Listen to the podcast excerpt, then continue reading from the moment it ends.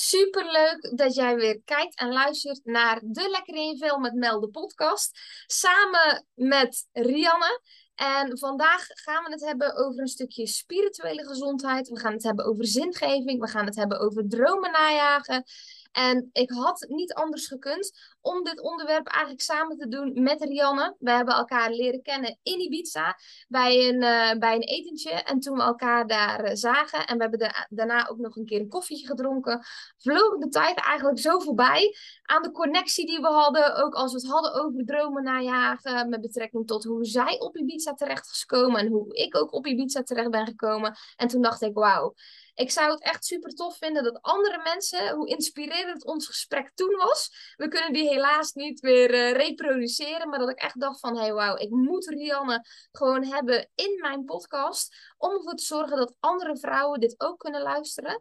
Um, want dit is gewoon echt fantastisch. En ik ga er zelf verder niet meer over uitweiden. En we gaan gewoon lekker starten in deze aflevering. Dus welkom Rianne bij uh, deze aflevering van de Lekkere Inveld met Mel de podcast. Dankjewel Mel. Ik vind het een eer.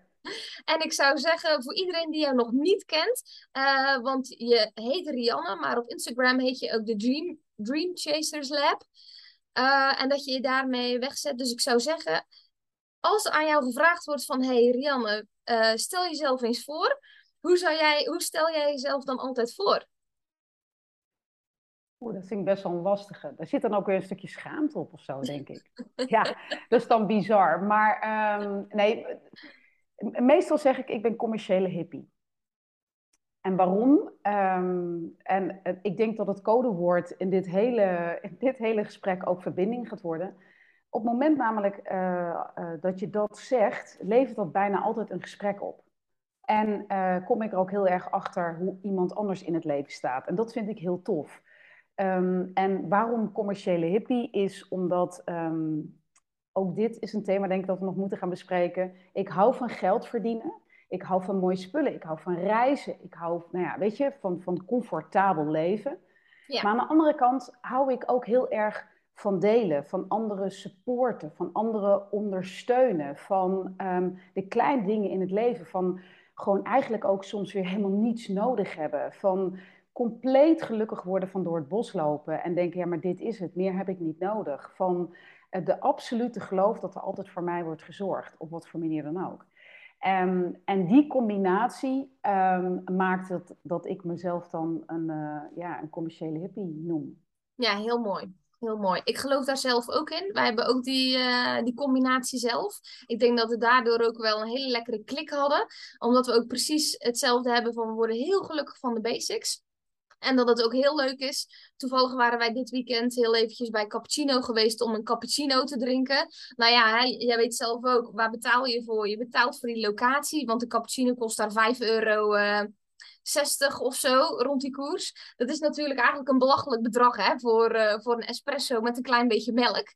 Uh, maar dat je niet alleen voor die espresso betaalt, maar dat je dan ook gewoon voor die beleving betaalt. Voor dat uitzicht op Doodvilla. En dat je dan weet van, oh, dat is eigenlijk waarvoor je betaalt. En dat wij dus heel erg kunnen genieten van daar bij cappuccino een cappuccinootje drinken. Maar dat we ook zo gelukkig worden gewoon van hier thuis die cappuccino te maken. Of je cappuccinootje mee te nemen om hier op je handdoekje op het strand daarvan te genieten. En dat juist die contrasten en ik denk ook dat dat super tof is, dat we mogen benoemen van het zijn juist die contrasten waar je zo gelukkig van kan worden van die basics. En dus ook daarin soms die luxe te hebben en dat je weet van hé, hey, die luxe die is hartstikke leuk, maar uiteindelijk die basics, dat is waarin je echt voelt van ach, hier word ik echt heel blij van. Ik denk ook dat je pas echt kunt genieten van die, van die luxe, tenminste ik zeg dat voor mezelf hoor um, als je je basics op, de orde, op orde hebt. Kijk, ja. op het moment dat, um, uh, dat ik een klein beetje geld heb en ik zou naar een Gucci store gaan, of een klein beetje geld. Ik heb wat geld en ik ga naar een Gucci store. Ik ben sowieso niet van dat soort merken, maar stel dat ik ga daarheen.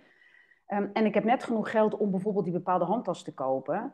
Um, maar in de basis uh, weet ik dat bijvoorbeeld uh, de hypotheek nog betaald moet worden en dat er nog, weet je, dat, dat, mijn, dat allerlei licenties die ik heb voor mijn bedrijf, dat die betaald moeten worden, dat mijn team betaald moet worden. Dan kan ik niet, al zou ik hem kopen, zou ik niet van die tas kunnen genieten. Omdat je, je basis is niet op orde. Ja. Ehm, en ik denk, dat, ik denk dat dat dus gewoon heel belangrijk is. En dan komen we op een, op een item wat rust en vertrouwen heet. En ik denk pas dat rust en vertrouwen de fundering is van het absoluut kunnen, kunnen genieten. Kijk, als jij morgen uh, een loterij wint, uh, is dat super fijn. Alleen als jij in de basis al um, niet oké met jezelf bent, niet lekker in je vel zit, niet, uh, is dat geen garantie voor geluk. Op het moment dat jouw basis oké bent, je bent in balans, je bent gewoon blij, dan, dan is dat geld um, zeg maar een, uh, ja, een enorm transportmiddel om dat geluk nog te vergroten. Dus het zit altijd in jezelf, het zit in die basis. Ja, ja en dat is echt mooi hoe je dat eigenlijk omschrijft, hè? want geld versterkt. Je ziet, je ziet ook heel vaak, ja, het versterkt of het, of, ja, het tegenovergestelde daarvan. Maar je ziet dus heel vaak bij zo'n mooi uh, voorbeeld wat je gaf over de mensen die de loterij winnen. Dat als zij dus een miljoen winnen, dat je dus ook ziet hoe snel dat miljoen eigenlijk ook weer op is. En dat de meeste mensen die dus via de loterij geld winnen, uiteindelijk al dat geld ook weer kwijt zijn, omdat ze simpelweg die basis niet op orde hebben. En als we het dan hebben over de basis, hè, want, want wij hebben daar al een keer eerder een gesprek over gehad, voor mij is dat helder. Wat is dan voor jou de, uh, als we het hebben over die basis op orde hebben?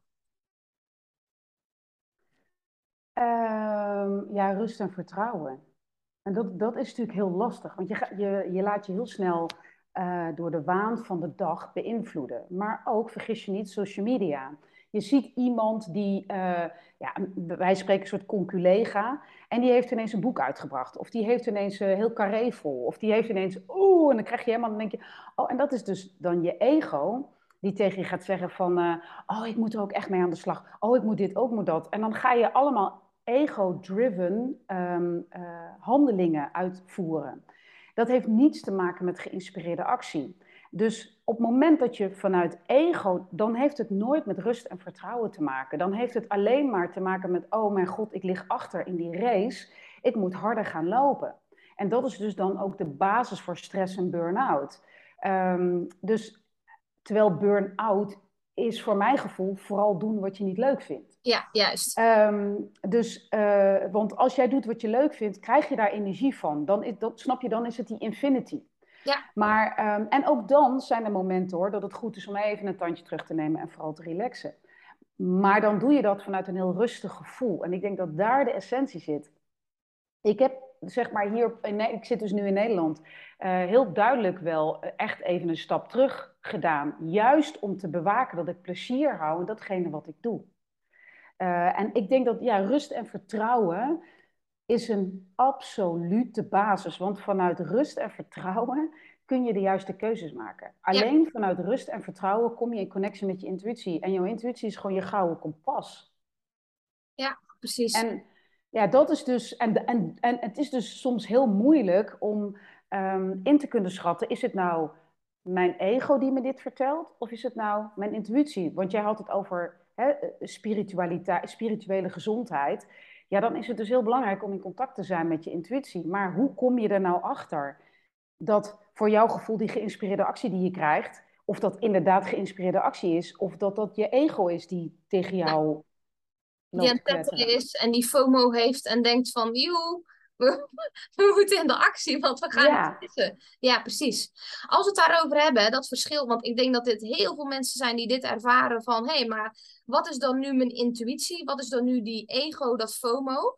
Heb jij voor jezelf daar op een gegeven moment een onderscheid in kunnen maken dat je weet van, oh, ik weet en ik voel nu heel helder van, oh, dit is mijn ego en mijn FOMO.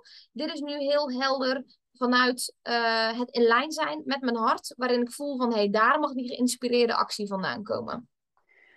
Ja, het is eigenlijk gewoon heel simpel. Dat klinkt heel raar, maar um, op het moment dat er iets in je opkomt, net zoals wat jij net zei van uh, die FOMO of iets van, oh, dat moet ik ook gaan doen, want, dus het wordt aan je, zeg maar aan je verkocht. Dus van, ja, dat moet je ook doen, want het wordt van je verwacht. Of want de mensen willen dat van je. Of, oh, en dan bel ik die en dan kan ik het samen met die doen en dan doen we dat. En dan heb je al een strategie en een planning. Op het moment dat het dus die kant op gaat, en je voelt dan al dus een kant van stress, dat is een kant van planning, dat is een kant van die hoe, dus heel duidelijk ook de hoe-kant opgaat. Misschien is dat een hele duidelijke.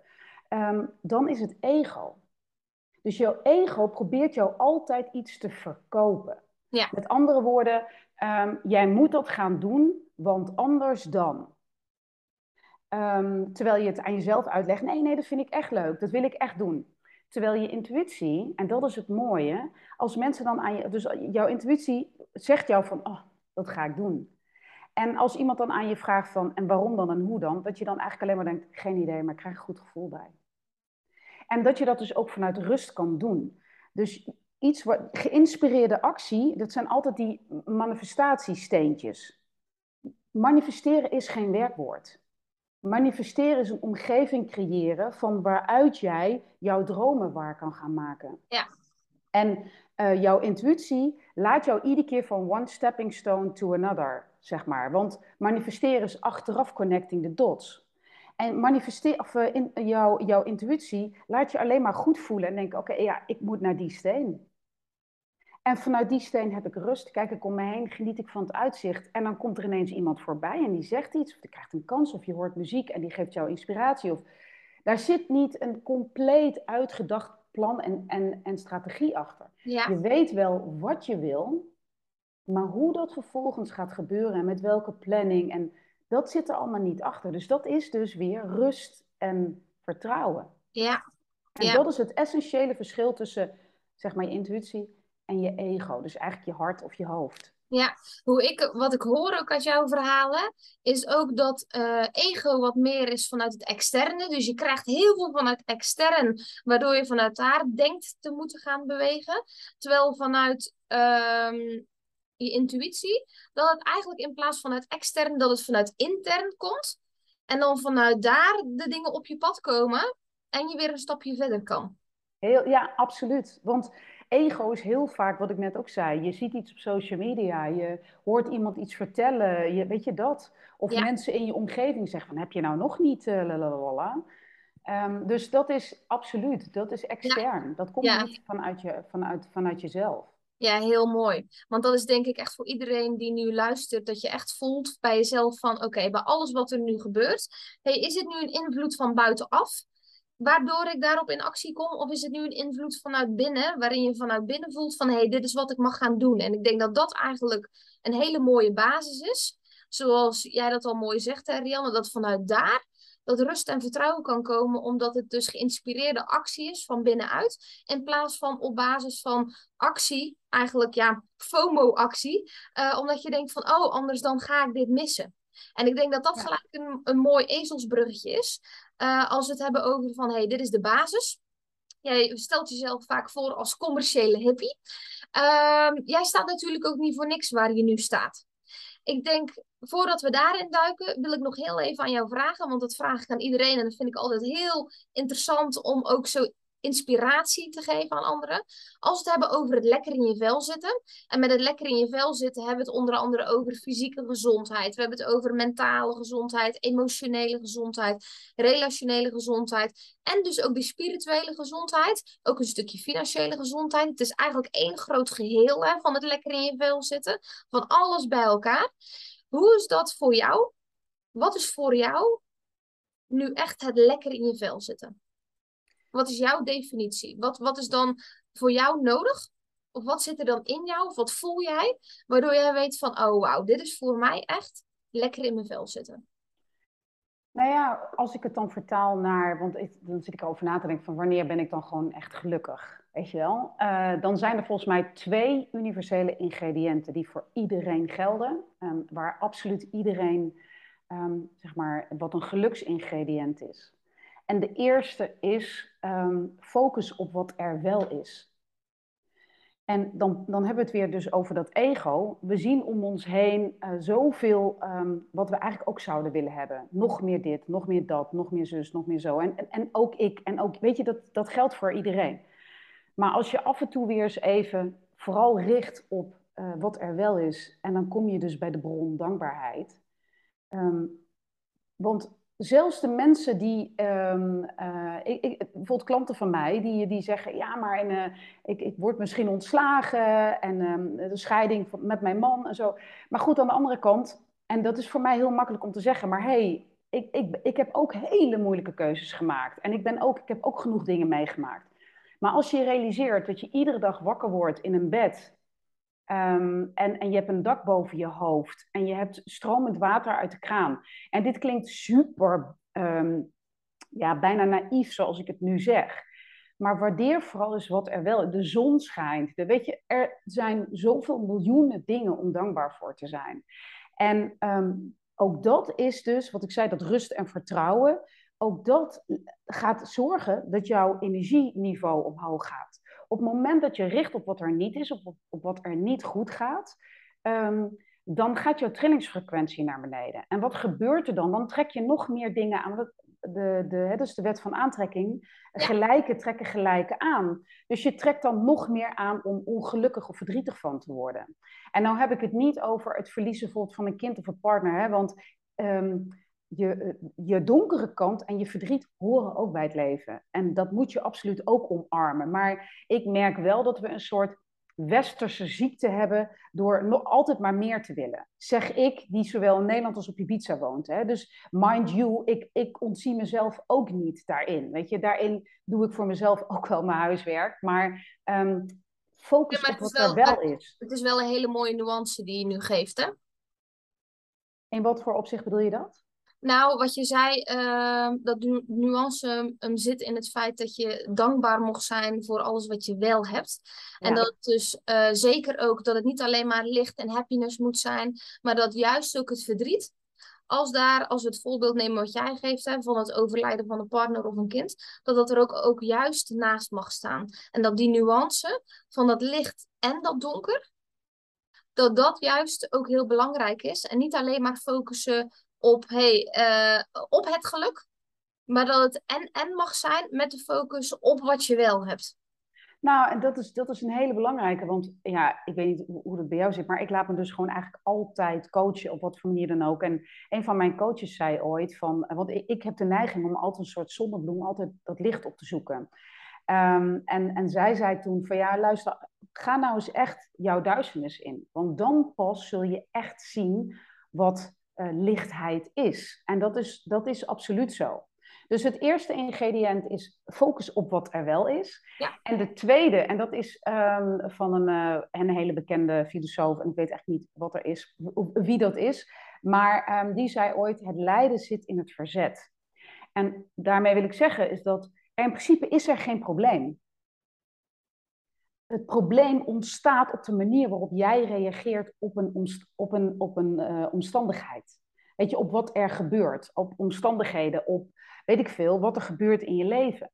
En dat vond ik eigenlijk wel een hele mooie, dat ik dacht van ja, heel veel dingen zijn veel lichter dan um, dat wij ze vaak maken. Ja. En, en één ding wat ik heel erg geleerd heb, is dus ook op het moment dat er kleine dingen gebeuren in je leven, bijvoorbeeld iemand um, maakt een rotopmerking tegen je op het moment dat ik dat dat gebeurt en ik ga bijvoorbeeld meteen jou bellen of een vriendin bellen of iemand bellen of weet ik wat die zegt, nou weet je wat, uh, nou, wat, wat zij nou zei, bla bla. Op het moment dat dat gebeurt, dan moet je maar eens opletten. Het is zo belangrijk om um, steeds naar binnen te, echt te voelen. Op het moment dat je dat doet en je gaat dus klagen over die persoon, ben je dat gevoel en die energie aan het vermenigvuldigen. Dus je, je verspreidt nog meer die negativiteit. Dus eigenlijk wat je aan het doen bent is, um, kennelijk heeft zij, is er iets wat, wat zij niet leuk vindt aan je of zo. En ze vindt het ook nodig om dat tegen je te zeggen.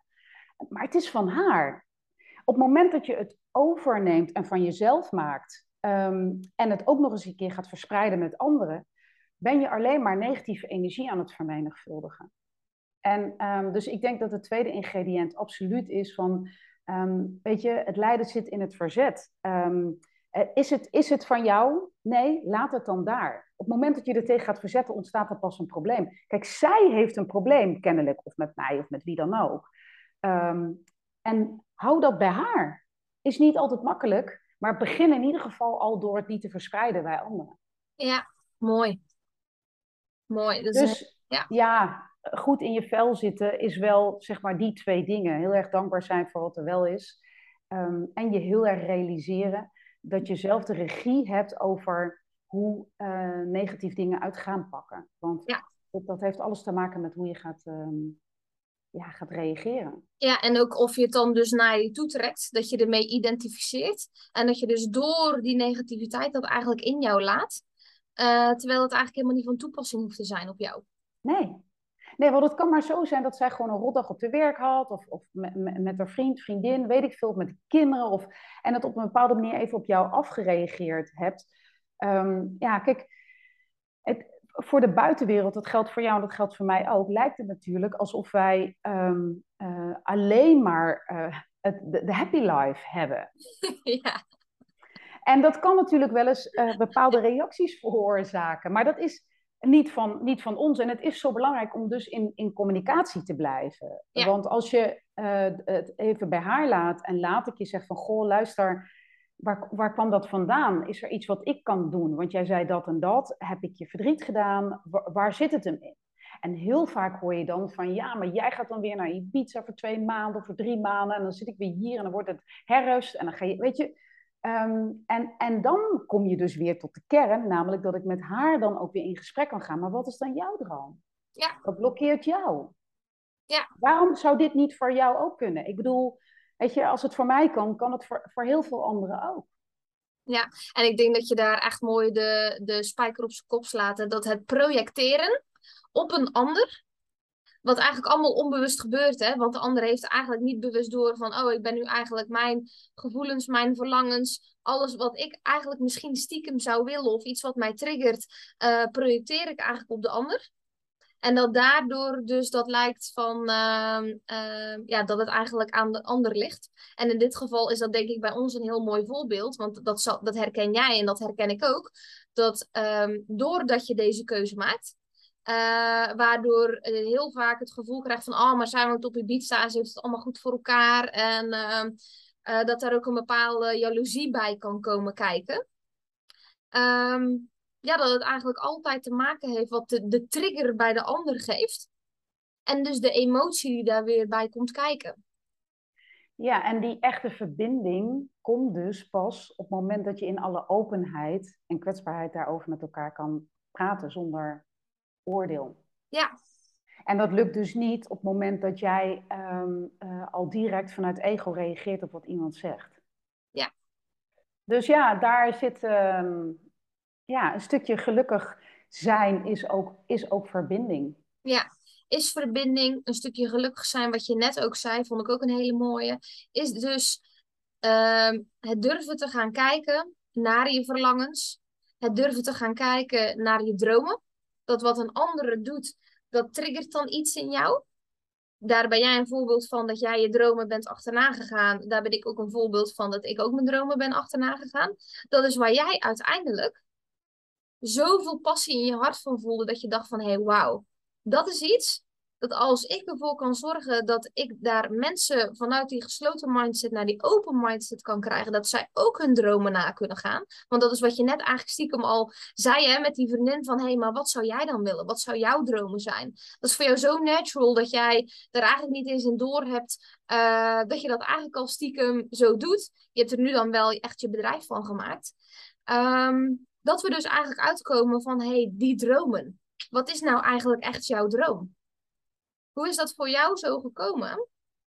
Dat jij erachter bent gekomen van, hey, wauw, dat is wat ik uh, zelf nu heb gedaan.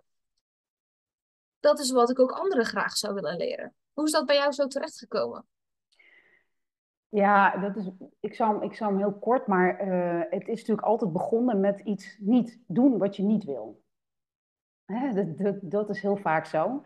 Um, uh, ik had een, eh, een, hele begerenswaardige functie binnen betaalde voetbal. Um, ik had daar een bedrijf met, een, uh, met, een, met een, zeg maar de meest invloedrijke man binnen betaalde voetbal. Ik, nou ja, we deden fantastische dingen, reizen, noem het allemaal maar op. Maar ik was echt compleet ongelukkig.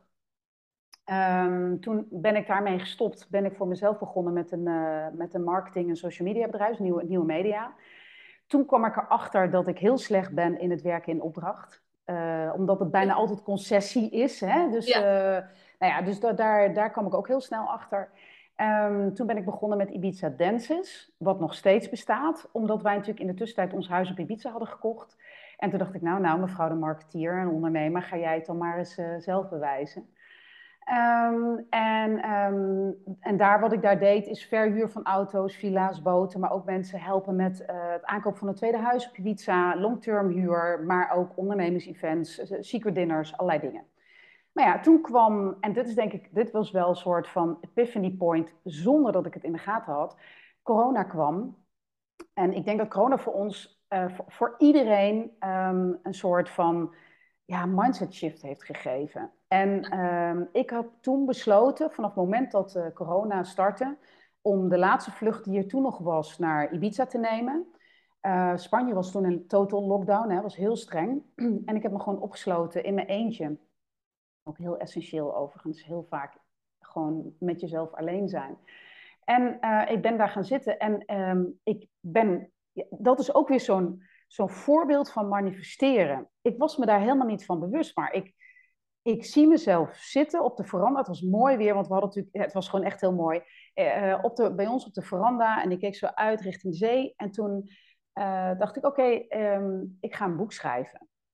En dat had te maken met dat ik begin van corona uh, Zoom-sessies ging geven. Dus ik ging gewoon gratis Zoom-sessies geven voor iedereen met een droom, met een Ibiza-droom. En daar leerde ik uiteindelijk iemand kennen en, uh, met een NLP-achtergrond. En die ging mij bevragen van, ja, maar hoe lukt het jou nou? Je hebt dit bedrijf, je hebt dat bedrijf, je, weet je, je woont deels op Ibiza, deels in Nederland. Hoe heb je dat nou nog voor elkaar gekregen? En hij ging me iedere keer vragen stellen. En toen zei hij tegen mij, maar realiseer jij je wel dat jij alles wat bij jou tot een succes leidt, dat je dat in zes stappen hebt gedaan? En toen zei hij, daar moet je trainingen over gaan geven. En toen dacht ik, Jezus, school, moet er niet aan denken, weet je wel. Dus ik dacht, nou echt niet. Dus dat had ik meteen weer, ook vanuit ego, hè. Van, oh nee, dat doe, dat doe ik niet. Maar toen, hij had wel die zes stappen uitgeschreven. En toen dacht ik wel van, hé, hey, maar ja, het klopt wel inderdaad. En ik ging overal over nadenken en ik ging daar nog... En toen dacht ik, weet je wat, ik ga een boek schrijven. En het mooie was dat en, dat, en hier komen we even terug dus op intuïtie. Dit had niets met ego te maken. Want eigenlijk pas halverwege het boek um, uh, stelde iemand mij de vraag van... en hoe ga je dat dan doen? Ga je dat zelf uitgeven of ga je een uitgever zoeken? En toen dacht ik, oh ja, ja. Dat hoort er ook nog bij. Dat hoort er ook nog bij. Dat moet nog geprint worden. En wat kost dat dan? Want ik had meteen al een idee van hoe dat boek eruit moest zien. Nou, dat is natuurlijk een heel kostbaar boek. Want het is een koffietableboek, bomvol foto's, dikke, dik mooi papier, noem het allemaal maar op.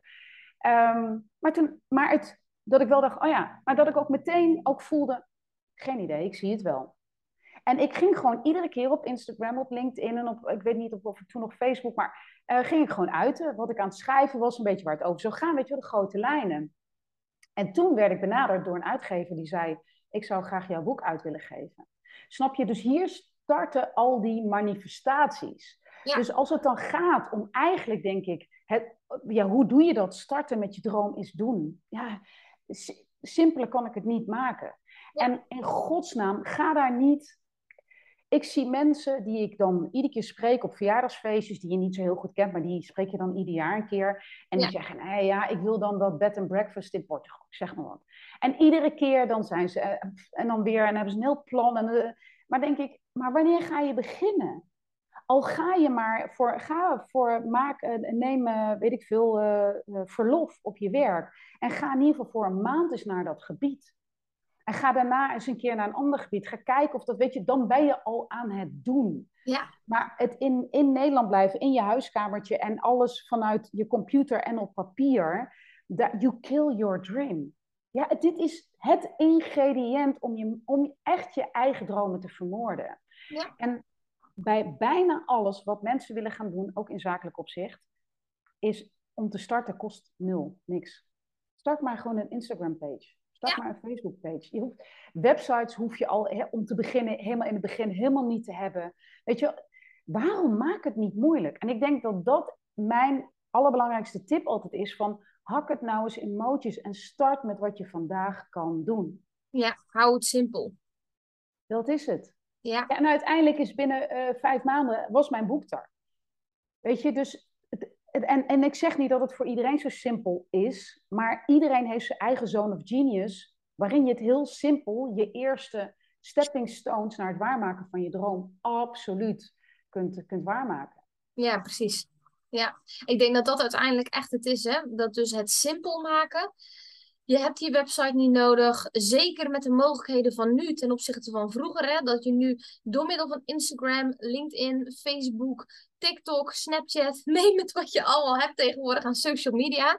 Dat juist doordat nu bestaat, en dat hebben heel veel mensen hebben daar geen idee van. Omdat ze denken van, oh, maar die heeft al uh, 20.000 of 30.000 volgers. Wie ben ik dan om dit nu te doen? Maar je ziet juist de kans, doordat we nu een soort nieuwe media hebben, dat dat juist de kans is waardoor gewone mensen, zoals jij en ik, vanuit daar hun bedrijf hebben kunnen bouwen. In plaats van vroeger, je moest per se op tv komen, je moest per se een boek maken, je moest eerst in die wereld komen om dan überhaupt bekend te kunnen worden.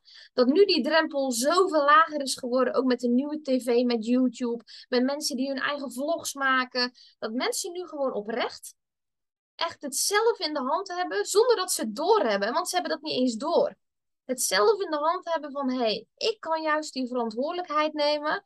Want door de kracht nu van social media, hoe laagdrempelig het nu is, ik kan gewoon beginnen.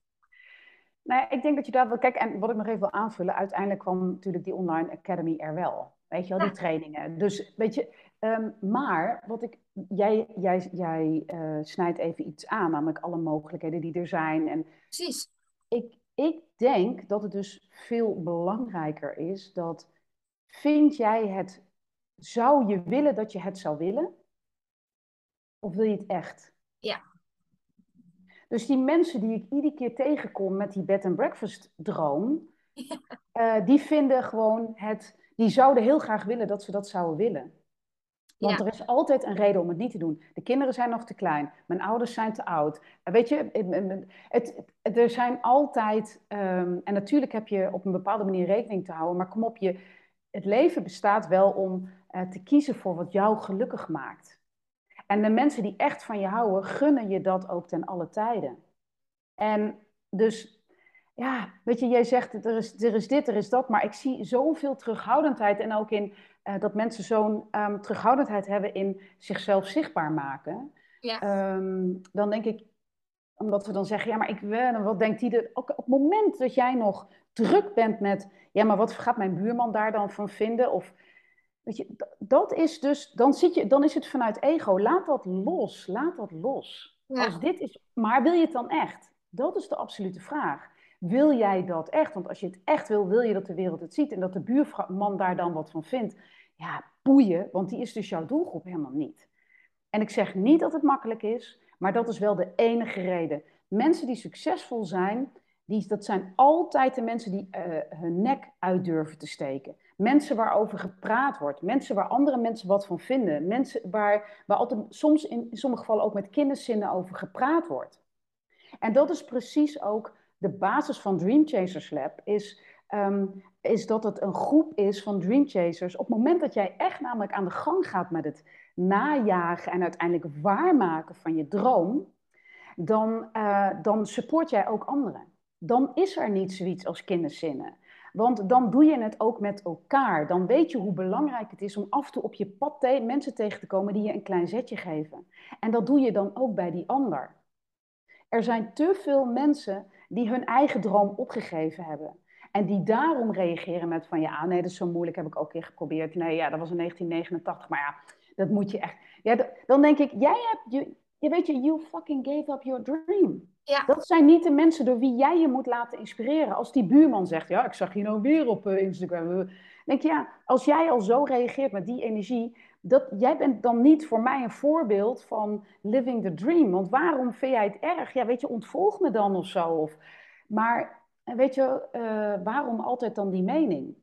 Ja. Dus pas als je daar los van bent, kun je vol gaan en kun je echt gewoon, ja, weet je, je, je, je vleugels uitspreiden en met je droom aan de gang gaan. Ja, en hoe, als jij nou uh, voor iedereen die deze podcast luistert, hè, een tip zou kunnen geven, hoe je dat los kan laten. Of niet een tip, maar waar je mee zou moeten beginnen als je daar last van hebt. Want laten we vooropstellen, er zullen heel veel mensen zijn die in de oppervlakte zullen zeggen van nee, daar heb ik helemaal geen last van.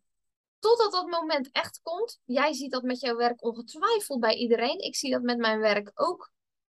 Dat je dan denkt van, oh wat grappig. Mensen zeggen, nee, ik heb helemaal geen last van wat een ander ervan vindt. Maar als het dus puntje bij paaltje komt van die droom wat diegene echt wilt, dan zit het daar dus eigenlijk stiekem wel. En wat zou jij op het moment dat mensen dus achterkomen van, oh, dit is mijn droom, dit is mijn verlangen, ik zou dit wel willen, ik heb mijn antwoorden in beweging gevonden, ik heb daar wat onderzoek in gedaan, ik ben daar naartoe gegaan, het is niet alleen iets wat ik denk te willen, maar ik voel het ook. Hoe, wat zou jij dan, ja, hoe zou je er dan voor kunnen zorgen dat dat weer kan gaan stromen en dat je dat loslaat? Nou ja, kijk, there's no easy fix, weet je wel. Ik denk dat voor iedereen die op een bepaalde manier uh, zijn droomleven leidt of zijn droombusiness heeft, um, je, je, moet ergens starten. En dat begin is gewoon knijter moeilijk. En geloof me, je hebt iedere keer weer plateaus. Ik begin ook iedere keer weer opnieuw, omdat je je ontwikkelt en dus ga je naar een volgende fase en start je weer vanaf nul. Dat is ook precies waar mijn boek over gaat. Ik zal hem even laten zien. Ja. Ik, hoop um, dat je, ik hoopte hem al naast je had liggen. nou kijk, om even te laten zien. Kijk, um, uh, je, die zes stappen die ik dus beschrijf, dat zijn deze. Ja. Um, die zes stappen, dat is, dat is een soort dans. Je, je, je zet er twee en je gaat er eentje terug, of je zet er vijf en je gaat er één. Maar uiteindelijk kom je wel bij die zesde. En als je die zesde hebt, dan, dan, dan heb je iets bereikt. En dan ga je weer hè, een, een nieuw level, nieuw devil. En wat ik echt iedereen wil uitdagen is, kijk, het heeft alles te maken met cojones, met ballen hebben, met lef hebben om het gewoon te doen. En wat vind je belangrijker, die mening van die ander of uiteindelijk de mega reward, namelijk dat jij iets doet waar je blij van wordt. En um, die, dat, die, um, uh, wat jij zei, hè, van, uh, hoe dat je dan laat weerhouden omdat andere mensen er wat van vinden, ja. dat bevindt zich alleen maar, zeg maar in die eerste fase. Want, um, maar als je eenmaal bent begonnen en start en, weet je, en, je, en die trein is aan het rijden, dan gaat dat niet meer. Want dan zit jij al zo in je passie en zo bezig met wat je aan het doen bent en je weet al zo goed waar je naartoe gaat. Ja. Dan kun jij die, dat oordeel heel erg op waarde schatten. Namelijk ten eerste, het is niet van mij. En ten tweede kun je het heel liefdevol denken van, ja weet je, ik weet niet um, waarom je zo reageert, maar ik wens je gewoon alle beste. En dat lukt dus pas als je door die eerste fase heen gaat. En daarom maken heel veel mensen blijven hangen in fase 1, 2 van dat droom. Want dan wordt het een beetje lastig en dan haken ze weer af. En dan beginnen ze weer en dan haken ze weer af. En dan beginnen ze weer en dan haken ze weer af. Ja. Want dat, er zitten ook die saboteurs. Het is niet alleen uh, de zeg maar, kritiek of meningen van buitenaf. Weet je wat nog veel erger is? Jouw eigen saboteur. Die gek tegen jou zegt, gaat je nooit lukken. Oh, er zijn al zoveel coaches. Nee, wat zou jij nou voor verschil gaan maken? Wie, ben ik nou? Ja, wie gaat er nou bij jou kopen? Waarom zouden mensen 40 euro gaan betalen om dit boek te gaan kopen? want, nou ja, ga naar een willekeurige boekenwinkel. Er liggen, eh, weet ik veel, duizenden boeken. Waarom zouden ze dan mijn boek, mijn boek kopen? Ja.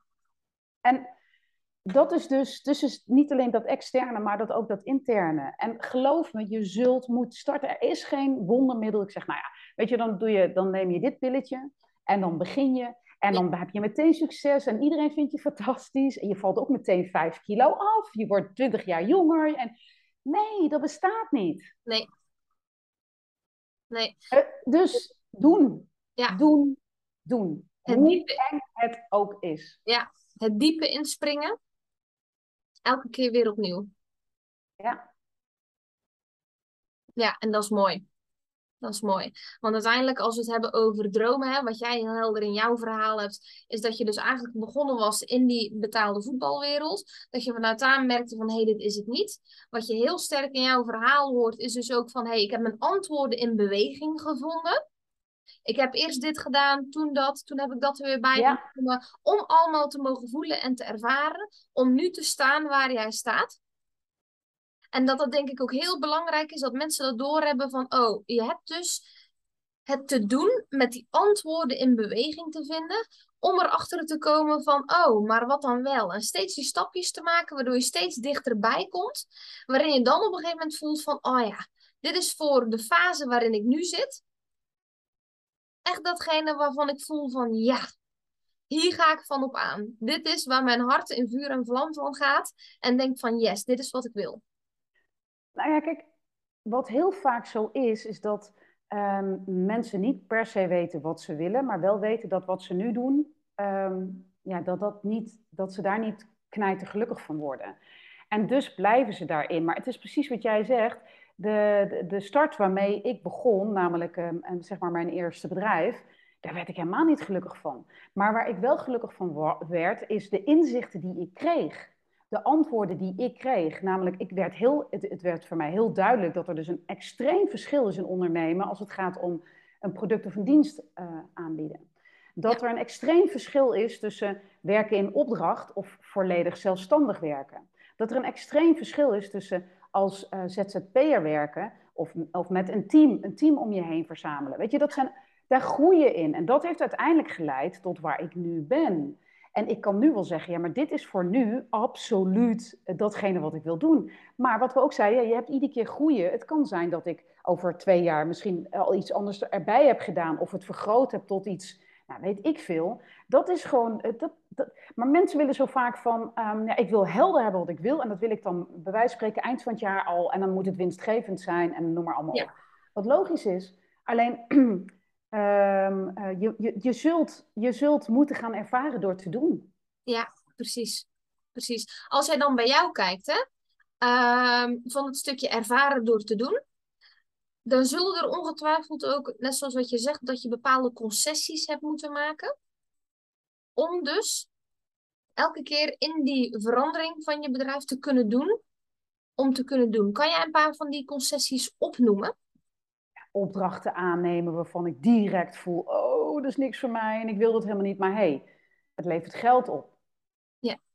Um, ja, concept. Nou, wat misschien, wat misschien een heel mooi voorbeeld is om wat ook weer aansluit wat we het hiervoor over hadden, namelijk de mening van anderen. Ik heb heel lang niet de hashtag wet van aantrekking durven gebruiken. Omdat ik dacht dat mensen dan dachten dat ik een soort religie aanhing.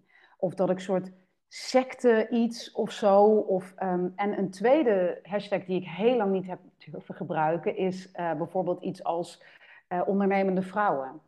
Of uh, vrouwennetwerk, of weet je, dat soort dingen. Omdat ik dacht van, ja, die vrouwenclubjes, weet je wel, dat soort dingen allemaal. En, ja. um, wat ik in mijn boek ook beschrijf, is dat het ondernemerschap en Ibiza me zo ongelooflijk veel wijze lessen hebben gegeven.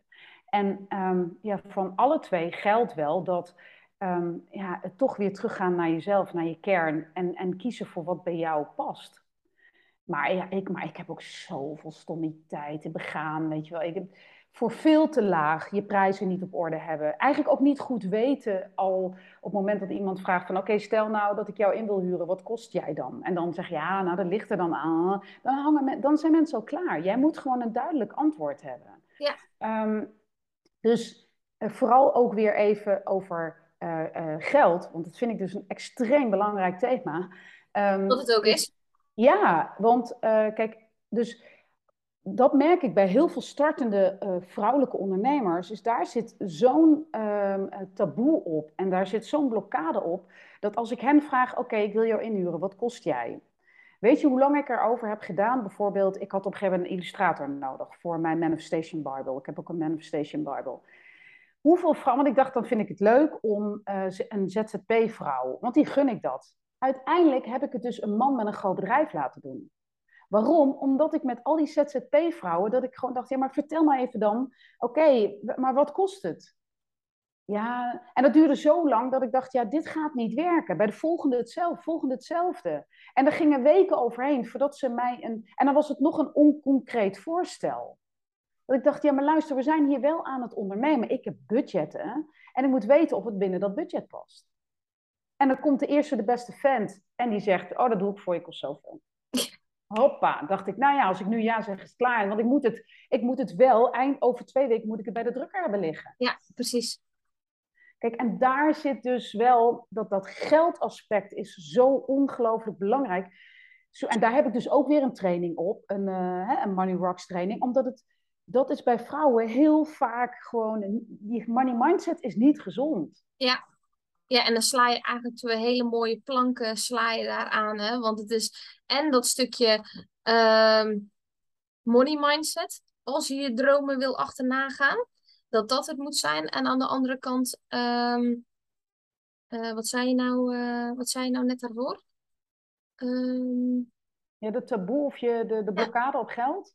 nee, ook sowieso taboe met ondernemende, met ondernemende vrouwen. Maar het al, ja, ik hoef er niet rijk van te worden hoor. Dan denk ik, waarom niet? Ja. Ik bedoel, ik, ik, kijk, jij zei op een gegeven moment, we hadden het ook over zingeving, hè, dat zei je in het begin. Ja. Nou, zingeving is, is eigenlijk, eh, zeg maar, als je het zou opzoeken, is dat de zin van het leven. Hè? En, en, en nou, als je dat dan vereenvoudigt naar wat is voor jou de zin van het leven, hè? voor jou als, als individu. Dus niet het algehele, want dan kom je veel meer op een soort religieus ding. Maar wat is het voor jou? Nou, als, je, als ik dan puur kijk naar Dream Chasers Lab, um, dan, dan ik weet je, ik heb een bedrijf en om dat bedrijf gezond te houden, heb ik een financiële stroom nodig. Dat is een feit. Dat geldt voor iedereen. Anders moet je een vrijwilligersorganisatie beginnen. Hè? Dus je hebt gewoon je broek op te houden. Ja, dat is hoe simpel het is. Um, en dat is voor mij dus een doel. Dus als je vraagt naar zingeving, dan is mijn doel is geld verdienen. Nou, um, uh, dat maakt mij bovendien ook gelukkig. Geld verdienen maakt mij gelukkig. Als ik dat één op één zo zeg, dan weet ik dat heel veel mensen denken: oh, dat is plat. Want uh, nou ja, geld is zeg maar vies. Kijk maar naar alle uitdrukkingen die we hebben. Hè? Uh, rijke stinkert. Uh, nou, allemaal, allemaal dat. Je bent voor een dubbeltje geboren, dan word je nooit een kwartje. Al dat ja. soort dingen. En als je, dan, als je dus zegt, zingeving voor mij is dus, als je me helemaal plat slaat, geld verdienen, dan denken mensen, wat een materialist, wat plat. Terwijl als je, ik denk dus dat zingeving is higher good. Dus mij, mijn zingeving is niet geld verdienen, het is het doel achter het doel. Dus het doel is geld verdienen en het doel daarachter is veel meer mensen nog kunnen bereiken om hun te helpen met hun dromen waar te maken. Precies. Met hen te verbinden. Zorgen dat er een beweging ontstaat waarin mensen elkaar alles gunnen. Dat er een heel groot netwerk ontstaat van vrouwen die elkaar allemaal helpen. Die totaal zonder enige wederkerigheid uh, het ene moment die helpen, het andere moment die. En niet denken van, oké okay, nou heb ik jou geholpen, nou wil ik dit. Want ik weet dat als je een groep mensen met de mentaliteit van support bij elkaar... en die echt allemaal dreamchasers zijn, dus die ook zelf bezig zijn met het waarmaken van hun droomleven en droombusiness... dat dat altijd mensen zijn dat linksom of rechtsom, die helpen elkaar. En dat hoeft dus niet zo te zijn dat als ik uh, Marietje heb geholpen. Dat, want dan komt er iemand anders wel weer die mij weer helpt. Ja. Dat is namelijk de wet van aantrekking. Wij bepalen niet via welk kanaal wij hulp of ondersteuning of geld of wat dan ook krijgen. En als je daar maar voor open staat, kijk, en dan is die ineens een stuk minder plat. Mensen die zeggen, ja, geld, hoe vaak ik niet te horen krijg van, um, ja, waarom bied je dat dan niet gratis aan? Als jij, als jij het graag wil delen, waarom bied je dat dan niet gratis aan? Ja, en dan denk ik, ja. oh mijn god, jij moet mijn Money Mindset training eigenlijk volgen. Maar Ja. ik ga hem jou niet gratis geven, want op het moment dat ik hem jou gratis geef, voel jij niet de urge om daadwerkelijk iets met je Money Mindset te doen. Want waarom is het zo dat er dan gezegd wordt van, nou oké, als jij Ehm, nou, iets heel goed kan. Dus in mijn geval bijvoorbeeld, ik kan mensen heel goed coachen om hun dromen waar te maken. Eh, waarom, eh, als dat dan een gift is, en je gelooft zo in die wet van aantrekking, waarom geef je dat dan niet gratis weg? Nou, dat is heel mooi, want dat vragen ze bij de slager nooit. En ten tweede, omdat dit een zielsmissie is die zoveel mogelijk verspreid moet worden. En daar is geld voor nodig. En juist, ik zou een heel slecht voorbeeld van ondernemerschap zijn als ik dingen gratis ga weggeven. Want ik heb mensen juist te leren dat zij het waard zijn om het bedrag te vragen wat zij waard zijn. Ja. En als ik dat al niet doe, hoe kan ik dat anderen dan leren? Ja, dat is echt een stukje leiderschap, hè, wat je nu benoemt. Dat dat gewoon zo belangrijk is. Hoe ik hem, hoe ik hem zelf... Nee, zeg maar. Nou, wat ik zo mooi vind is, wil je een, een, een, een leider of een redder zijn? Ja. Die redder doet dat gratis. En waarom? En dit is heel essentieel. Dat is ego-driven.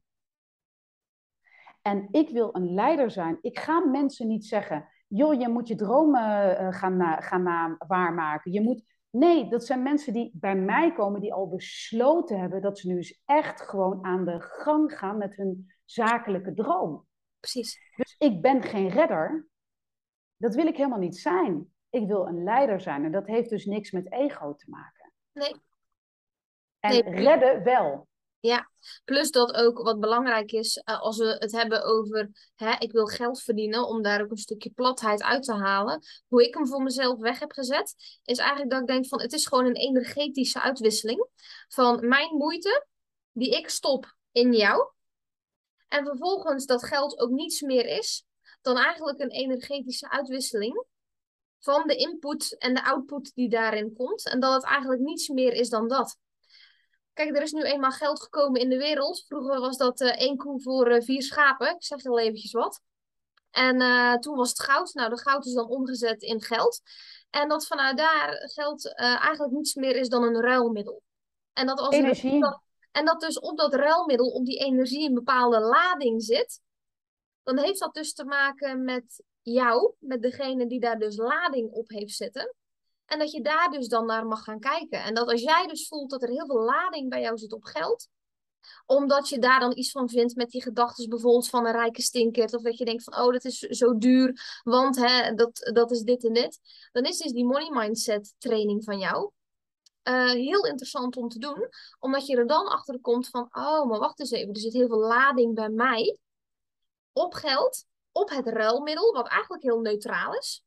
Want er is niets goeds aan geld, er is niets slechts aan geld. Het is simpelweg gewoon een ruilmiddel wat heel neutraal is. Het ligt er alleen maar net aan, aan wie het in zijn handen komt. of dat er dan iets goeds mee gedaan wordt, of dat er iets slechts mee gedaan wordt. Maar geld aan zich is gewoon een neutraal iets wat een ruilmiddel is. Ja, het heeft ook geen identiteit. Nee. Bij, op het moment dat ik zo over geld zal praten, geef ik het die identiteit van materialisme, van hebberigheid, van hè, dat glijerigheid. Van, oh. Maar terwijl uh, het mooie is dat op het moment dat je uh, geld verdient en uh, je zegt, ja, ik word gewoon heel blij van geld verdienen, ik word sowieso gewoon heel blij van geld, dan, dan wordt dat gezien als plat. Maar als ik dat geld vervolgens besteed aan een, een therapie voor bijvoorbeeld een, een moeder of een broer die niet door de verzekering gedekt wordt, dan ineens vindt niemand dat meer vies nee. of materialistisch. En wat zo mooi is, is dat je eigenlijk um, drie cirkels hebt. Zeg maar. de, eerste, de eerste cirkel, en daar vergissen mensen zich al heel erg in, is zeg maar de kleinste cirkel, is financieel vrij zijn. En dat is al bijna niemand. Namelijk dat je alles kunt doen wat je wilt doen, um, wat geld je toelaat. En heel veel mensen zeggen, nee, als ik bijvoorbeeld aan een klant vraag, wanneer ben jij financieel vrij? Dan zegt ze, ja, als ik dan twee klantjes erbij heb, weet je wel, dan heb ik uh, eh, 500 euro of 1000 euro in de maand meer. Ja, dan ben ik wel financieel vrij. En dan zeg ik, oké, kun jij dan een personal, want jij hebt het over, je wil eigenlijk wat afvallen. Ja, kun je dan die personal trainer ook, die dan iedere ochtend uh, met jou gaat trainen, kun je die daar dan ook van betalen? Oh. Ik zeg, zou je het dan niet leuk vinden bijvoorbeeld, ik vind dat leuk, want je hebt het altijd over dat je het zo fijn vindt om te eten met vrienden, om één keer in de maand de allerbeste chef bij je thuis uit te nodigen die voor jou en jouw vrienden gaat koken. En dat je dan, oh, oh nee. Ik zeg, en je wilde toch nog heel graag naar Costa Rica? Weet je, als je dat dan allemaal. En dat zijn nog maar hele kleine dingen. Dan heb ik het nog niet eens over, je wilt toch je eigen bedrijf beginnen en daar dan bijvoorbeeld een leuk kantoorpand voor huren. En dat is al die eerste ring, financieel vrij zijn. Die tweede, die daarbuiten, die iets groter is, dat is de ring van ook voor anderen wat kunnen doen. Dus inderdaad, er wordt iemand ziek en jij kan die, uh, die, die alternatieve therapie bewijzen van, die niet gedekt wordt door de verzekering, of dat je naar Amerika moet of voor medicijnen, of uh, je, je kind zit bij de voetbalclub en die hebben geen goaltjes meer, dat jij zegt, weet je, ik koop die goaltjes wel. Dat is al de tweede lijn van financieel vrij zijn. En dan heb je nog de derde, waar een Elon Musk en een Bill Gates en weet ik veel ze allemaal in zitten. Of weet, in ieder geval dat je op wereldschaal, hè, dus dat je allerlei charity dingen uh, uh, kunt gaan doen. Dus dat je een eigen, uh, weet ik veel, weeshuizen gaat beginnen in allerlei landen waar dat... Dus er is zoveel ruimte in financiële groei, dat is ongekend. Dus als iemand zegt, ja, één of twee klantjes erbij, dan denk ik, oh mijn god er zit, er, weet je, sky is the limit. Ja, ja en dat klein denken, dat, dat is wat dat eigenlijk is.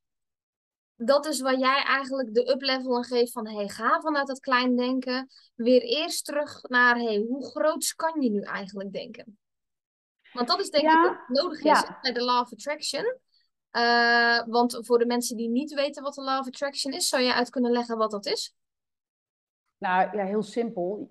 Is je gedachtekracht. Dus als jij denkt dat iets niet gaat lukken, gaat het niet lukken. Heel simpel voorbeeld. Als jij vroeger voordat je naar een naar school ging zei, oh, die, die, dat proefwerk ga ik nooit halen. ja, dan is de kans dat, je dat, uh, dat dat ook inderdaad zo is, is heel groot. Dus het is de kracht van je, van je gedachtes. Ja. Dus je bewustzijn van hoe je over dingen denkt en um, uh, wat dat vervolgens doet met jouw state of mind. Um, en um, ja, dat is, dat is dus gewoon heel essentieel ook in manifesteren. Als jij het niet gelooft, wordt het ook, gaat een ander het ook niet geloven. Hoe moet jij iets overbrengen? En dit heeft ook, denk ik, ook heel veel bijvoorbeeld met sales te maken. Als ik niet geloof in dit boek, ga ik dit nooit over kunnen brengen aan anderen. Als ik niet geloof in mijn trainingen, als ik niet geloof in mijn podcast, ga ik het nooit over kunnen brengen aan anderen. Want waarom zou een ander er dan in geloven? Ja, ja want dat is eigenlijk wat we energetisch dan voelen.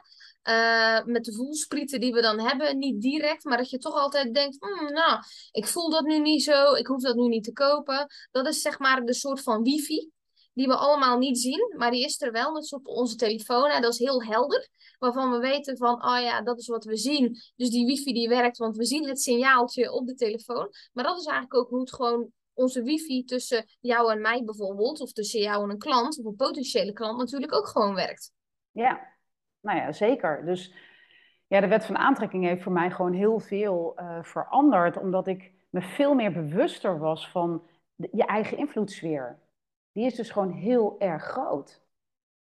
En dan begint het dus weer met weer naar, binnen naar jezelf. Het is ook heel confronterend, um, uh, omdat je dus... Het is veel makkelijker om, eh, om, om te klagen, om te zeuren, om altijd te zeggen dat... Ja, dat komt door dit, het komt door dat. Ja, ik, ik heb een, uh, weet ik veel, mijn ouders hebben dit, mijn vader heeft dat, mijn moeder heeft dat, mijn broers hebben altijd dit. Weet je wel, mijn partner doet dit, mijn kinderen...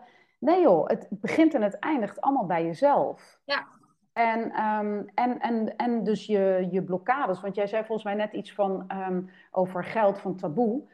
Um, wat, wat voor mij altijd heel belangrijk is, is op het moment dat iemand bij mij een training gaat volgen, om inzicht te krijgen in blokkades. Want je hebt aannames. Die taboe komt voort uit aannames. Ja. Komt voort uit tradities, uit je jeugd. Als vroeger altijd gezegd werd van, ik noem maar wat, als de buurman een nieuwe auto had, van... Uh, oh, wat, uh, dan moet hij weer, nou, dan moet hij weer opvallen en dan moet het weer dit en dan, er werd dan negatief over gesproken, dan ga je dat overnemen. Ja. Dus dat zijn ingesleten patronen. Maar jouw, jouw brein, zeg maar, is ook gewoon elastisch. Dus alles wat je jezelf aangeleerd hebt, kun je jezelf ook weer afleren door daar andere aannames en andere gedachten voor in de plaats te zetten. Alleen, dat heeft alles te maken met herhaling, herhaling, herhaling, herhaling. En daarom is dromen waarmaken ook niet voor broekventjes. Weet je wel, dit is, dat is echt een proces, dat moet je echt willen. Want dat is, er is geen quick fix. Nee, je moet bereid eerst... zijn. Ja, en, te voelen. Ja, en dus je duisternis ook aan te kijken. Ja. Dus ook erachter te komen hoeveel, wat voor relatie je hebt bijvoorbeeld, in dit geval dan bijvoorbeeld met geld. En waar komt dat dan vandaan? Hè, wat, wat, voor, wat, voor, wat voor aannames zitten er? Wat voor, wat voor uh, enorme geloofsovertuigingen zitten er in je hoofd als het gaat over, over geld? En daar ga je dus, en nu hebben we het even over geld, maar het gaat om allerlei dingen. Ik ga altijd eerst duik ik in, wat is die situatie nu? Ja. En dat, dat doen we door hele toffe, wel vanuit fun en joy, maar ook wel echt confrontatie. Aankijken van wat er nu speelt binnenin jou. En dat willen mensen vaak niet. Kijk, mensen zien dan die, wat, wat zo mooi, dat voorbeeld van die um, ijsschots. Ja, je ziet alleen die driehoek aan de bovenkant. Maar daaronder, onder dat water, daar zul je eerst aan de, aan de slag moeten. Ja, precies. En dat is natuurlijk dat onzichtbare werk. Hè? Als we het dan hebben over waar we in het begin over hadden, over een stukje projectie. Van hey, zie Rianne daar lekker in Ibiza zitten. Uh, zie Melanie daar lekker zitten. Van oh, hè, dan uh, zitten ze daar en hebben ze de perfect life. Um, maar dat ze dus heel erg vergeten dat als we het nu over die ijsschots hebben, dat wij zoveel innerlijk werk hebben gedaan. Die shit hebben aangekeken, door die zure appel zijn heen gegaan met onze eigen beperkingen en overtuigingen. Om vanuit daar te komen waar we nu staan. En dat dat niet iets is wat out of the blue dan opeens ontstaat, wat voor heel veel mensen dan wel zo lijkt. Maar dat het gewoon al een proces is van jaren waarin je daarmee bezig bent, waarin dan het momentum komt, waarin dat dan samenkomt en dan opeens zichtbaar is voor de buitenwereld. Ja, en nog altijd. Ik, ik merk dat dat ook wel een soort van. Um, je, bent jezelf, je blijft jezelf een soort van, van afbellen, want je, de uitdagingen worden ook steeds groter. Ja. Je bedrijf groeit. Uh, en de uitdagingen worden steeds groter. Dus je wordt iedere keer weer aangesproken op uh, bepaalde saboteurs uh, in jezelf. Of nog steeds af en toe nog een stukje oude pijn wat toch weer bovenkomt. Omdat er een bepaalde mate van onzekerheid. Want ja, jeetje, weer een nieuwe fase. Wat gaat er op me afkomen? Kan ik dat wel? Lukt me dat wel? weet je wel? Dus ja, dat inner work, dat is gewoon een ongoing process. Dat, dat, dat stopt nooit. Maar ik vind het ook wel gewoon een, een... Het is ook schatgraven in jezelf, weet je. Het is super tof. Dus ik wil iedereen ook echt uitnodigen om dat op... Doe het op je eigen manier, wat bij jou past. Want ehm, weet je wat het mooie is? Wij, wij rennen allemaal een beetje weg altijd voor die duisternis. Terwijl op het moment dat je je echt durft om te draaien en het aan te kijken... Ehm, dan is het toch veel minder eng en heftig dan... Ehm, Ehm, ja, dan, dan het iedere keer maar wegstoppen. Het is een beetje uh, al die blauwe enveloppen maar steeds in een schoenendoos doen en wegstoppen. Die schoenendoos is een beetje een ticking time bomb in die la. Weet je? Die, die geeft bijna licht. Weet je? Dan iedere keer loop je daar langs. En dan, terwijl gooi je hem een keer open, of een keer, blijf hem steeds opengooien en neem iedere keer die, als je een blauwe envelop, neem hem serieus. En dan komt er een moment, en dit gaan mensen heel bizar vinden, dat je gaat bedanken om die blauwe envelop te gaan betalen. Maar dan ben je heel veel verder in je, in je money mindset. Maar, um, uh, want je kunt, dat is dus weer, kom ik weer bij het geluksingrediënt. Het lijden zit in het verzet. Juist. Die belastingdienst is er. Die ga ik niet veranderen. Dus, en die regels zijn er. Ik woon in dit land. Dat is waar ik voor gekozen heb. En dus is dit een voldongen feit.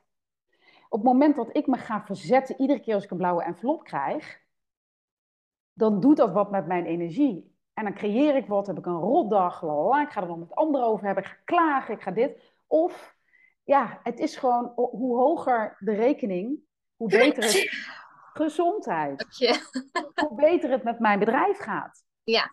Dus, ja. Ja, en ik denk dat we daar eigenlijk mooi de cirkel mee rondkrijgen. Dat we vanuit daar, met waar we het over gehad hebben, dat we dan nu uitkomen bij dat geluk. Dat we uitkomen bij het belang van zingeving in je leven. En dat dus dat innerlijke werk eigenlijk zo belangrijk voor je is. Of het nu over geld gaat, of het nu gaat over je dromen, je verlangens. Dat het uiteindelijk allemaal voortkomt naar dat stukje zingeving. En dat dus de zingeving uiteindelijk in het leven, de zingeving en wat je doet in je werk. Want de meeste van de tijd die je wekelijks besteedt, die zal zijn aan het werk wat je doet. Eh, werk in de ruimste zin van het woord. Hè? Want laten we dat heel even ruim houden. Want wat is werk? Want als je iets leuk vindt, voelt dat dan daadwerkelijk als werk? En dat is die zingeving uiteindelijk zo bepalend is voor een groot deel van je leven, van je gezondheid in de ruimste zin van het woord. Wat ik als het kopje benoem spirituele gezondheid. Waar dus die dankbaarheid in zit, waar dus dat geluk in zit en die zingeving.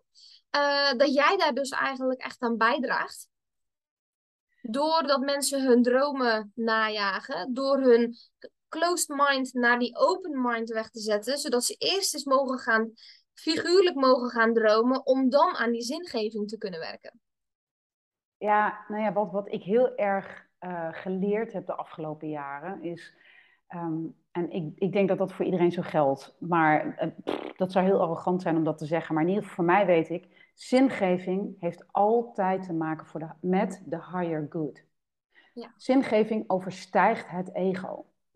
Dus um, wat ik zei, zingeving voor mij is niet geld verdienen. Zingeving is wat ik kan doen met het geld dat ik verdien. Zingeving voor mij is niet een bedrijf hebben en aanzien hebben. Zingeving, dat is een doel, bij wijze van. Maar, want ook ik wil gezien worden. Dan ga ik ook niet, weet je, tuurlijk zit daar een stuk ijdelheid in. Maar, want dat is ook heel logisch, want je hebt zeg maar met de twee universele behoeftes, is het heel logisch dat je goed genoeg wilt zijn en dat je geliefd wilt zijn. Alleen je hebt wel een verschil dat als je je innerlijke werk gedaan hebt, dat je vanuit daar, omdat ze universeel zijn en ze komen altijd terug, dat het wel komt vanuit een verrijking en niet vanuit een need. Niet vanuit een need dat je denkt van, jij moet mij vertellen dat ik goed genoeg ben. Jij moet aan mij vertellen dat je van me houdt. Nee, het is die verrijking. Dat als je daar helemaal oké mee bent en je stopt dus energie in een bedrijf, in je werk, in je zingeving en je krijgt daar een energetische uitwisseling voor terug in de vorm van geld, dan heb je het over die verrijking vanuit zingeving. Ja, precies. Dus die zingeving is niet dat gezien worden en dat bedrijf hebben. Die, dat, is een, dat is een soort doel. Hè? Dus dat je, dat je je bedrijf opzet, dat je dat, dat je dat financieel gezond maakt, dat je, nou dat, dat je gezien wordt. Dat je, die zingeving start pas onder dat namelijk dat, ik de, dat je het voor de higher good doet. Dus dat je zoveel mogelijk mensen aan elkaar wil verbinden en helpen en ondersteunen om hun dromen waar te maken. En dat daarmee dus ook een soort beweging in de wereld in gang wordt gezet van mensen die elkaar steunen, die elkaar supporten, die met elkaar gewoon een badass netwerk vormen van groei, van succes, van alles waar je gelukkig van wordt. Dan, daar, dan praat je dus pas over zingeving. Ja. Dat is ego-overstijgend. Ja, precies precies. En als we het dan hebben over dat stukje zingeving voor jou, hè. Ehm, eh, ik kan me voorstellen, jij hebt daarin, je, je, bent een stukje ouder dan dat ik ben. Ik denk dat het ook interessant is om dat juist te benoemen. Waarom? Omdat je dus ook, jij hebt al verschillende fases in je leven gehad. Waarin je dus ook zal merken dat in die fase zingeving ook elke keer weer een andere dimensie, een andere laag kan hebben bijvoorbeeld kinderen, dat op het moment dat kinderen daar komen, dat zingeving dus ook een hele andere laag kan zijn dan op het moment wanneer je dus jonge kinderen hebt, of wanneer je oudere kinderen hebt, of wanneer je geen kinderen hebt. En dat het dus ook in die fases van je leven ook net weer een andere type zingeving kan geven. Hoe was dat ja, voor dat jou? nou, zo grappig dat je dat zegt, want ik denk dat uh, mijn zoons zijn nu sinds twee jaar het huis uit. Um, dat daarvoor, to, vooral toen ze klein waren, zat je zingeving op een kleinere kring, namelijk je gezin. Uh, dus die zingeving zat veel meer op warmte, veiligheid, zeg maar verbondenheid creëren met je gezin. Maar dat waren natuurlijk omdat je kinderen kleiner was.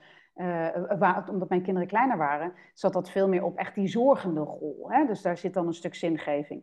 Nu zij um, het, uh, het huis uit zijn, en eigenlijk in die fase ervoor, ze worden, ze worden zelfstandig, noem maar op, is dat ik merk, en dat is weer leuk, en dan krijg je dus weer in die, in die cirkels, is dat mijn cirkel ook groter is geworden. Is dat mijn zingeving veel meer zit op, ik wil er gewoon zijn voor iedere ondernemende vrouw van 35 plus. Die aan de gang wil, die, die voor zichzelf beseft, ja, ik ben eigenlijk niet waar ik zijn wil. Waar, zit dat hem nou in? Waarom lukt het me niet? Waarom ben ik, iedere keer neem ik mezelf voor, dan is het weer nieuwjaar. En dan denk ik, oh, nou, dit jaar wordt het, wordt het jaar. Dan, en iedere keer lukt dat niet. Waar zit dat dan in? Ja, ja. Voor die vrouwen ben ik er. En die vrouwen zijn er ook weer voor elkaar. Um, en dus dat is alweer, snap je, dat gaat alweer een cirkel groter dan um, toen, ik nog, toen mijn kinderen klein waren. Dus dat, dan ben je veel meer gericht op inderdaad gewoon, gewoon je gezin en, en, en die zorg daarvoor. En daarnaast had ik natuurlijk ook wel een carrière, maar um, dan zat de focus van zingeving voor mij wel veel, nog toch wel meer op mijn gezin. Ja, precies. Precies, want daarin zie je ook veel vrouwen struggle, hè? dat dan op het moment dat daar dan een gezin is en dan met het ondernemerschap, als het al vrouwen, als het al ondernemers zijn, van hey, hoe, hoe balanceer ik daar dan daadwerkelijk in?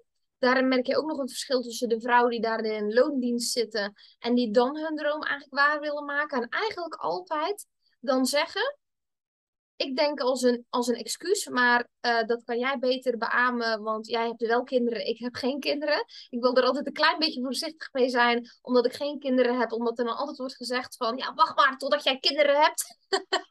maar jij hebt nog geen kinderen, dus jij kan dat niet zeggen.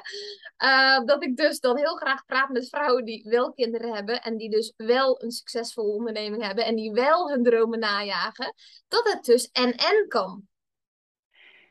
Ja, nou ja, kijk, uh, ik, had, ik, ik had natuurlijk ooit een onderneming, zeg maar, binnen dat betaalde voetbal. Um, en toen kwam dat wel in de knel. In die zin is dat uh, zingeving, gelukkig zijn, heeft alles te maken met je kernwaarden.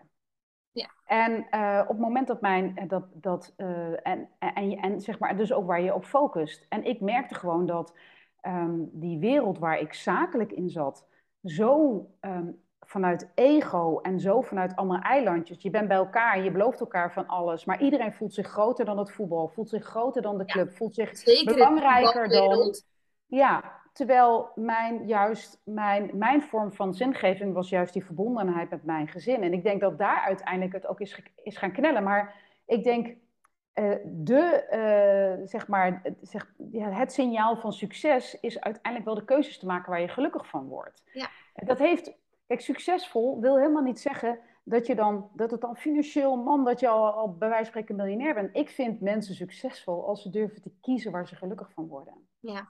Een, een, een, eh, een, een, een, een kunstschilder die net zijn broek op kan houden, maar die leeft en die de pretlichtjes in zijn ogen heeft omdat hij doet wat hij echt wil doen, die verdient voor mij veel meer respect dan iemand die bij een corporate werkt, uh, die iedere maand gewoon lekker zijn salaris overgestort krijgt, die weliswaar hard moet werken, maar um, die niet zijn eigen broek hoeft op te houden. Snap je? Ik denk dat voor jou en voor mij geldt wel dat uh, het essentiële verschil tussen in loondienst zijn en ja, zeg maar als uh, je eigen broek ophouden, is dat je iedere dag bezig zult moeten zijn bijna met je marketing en sales. Ja.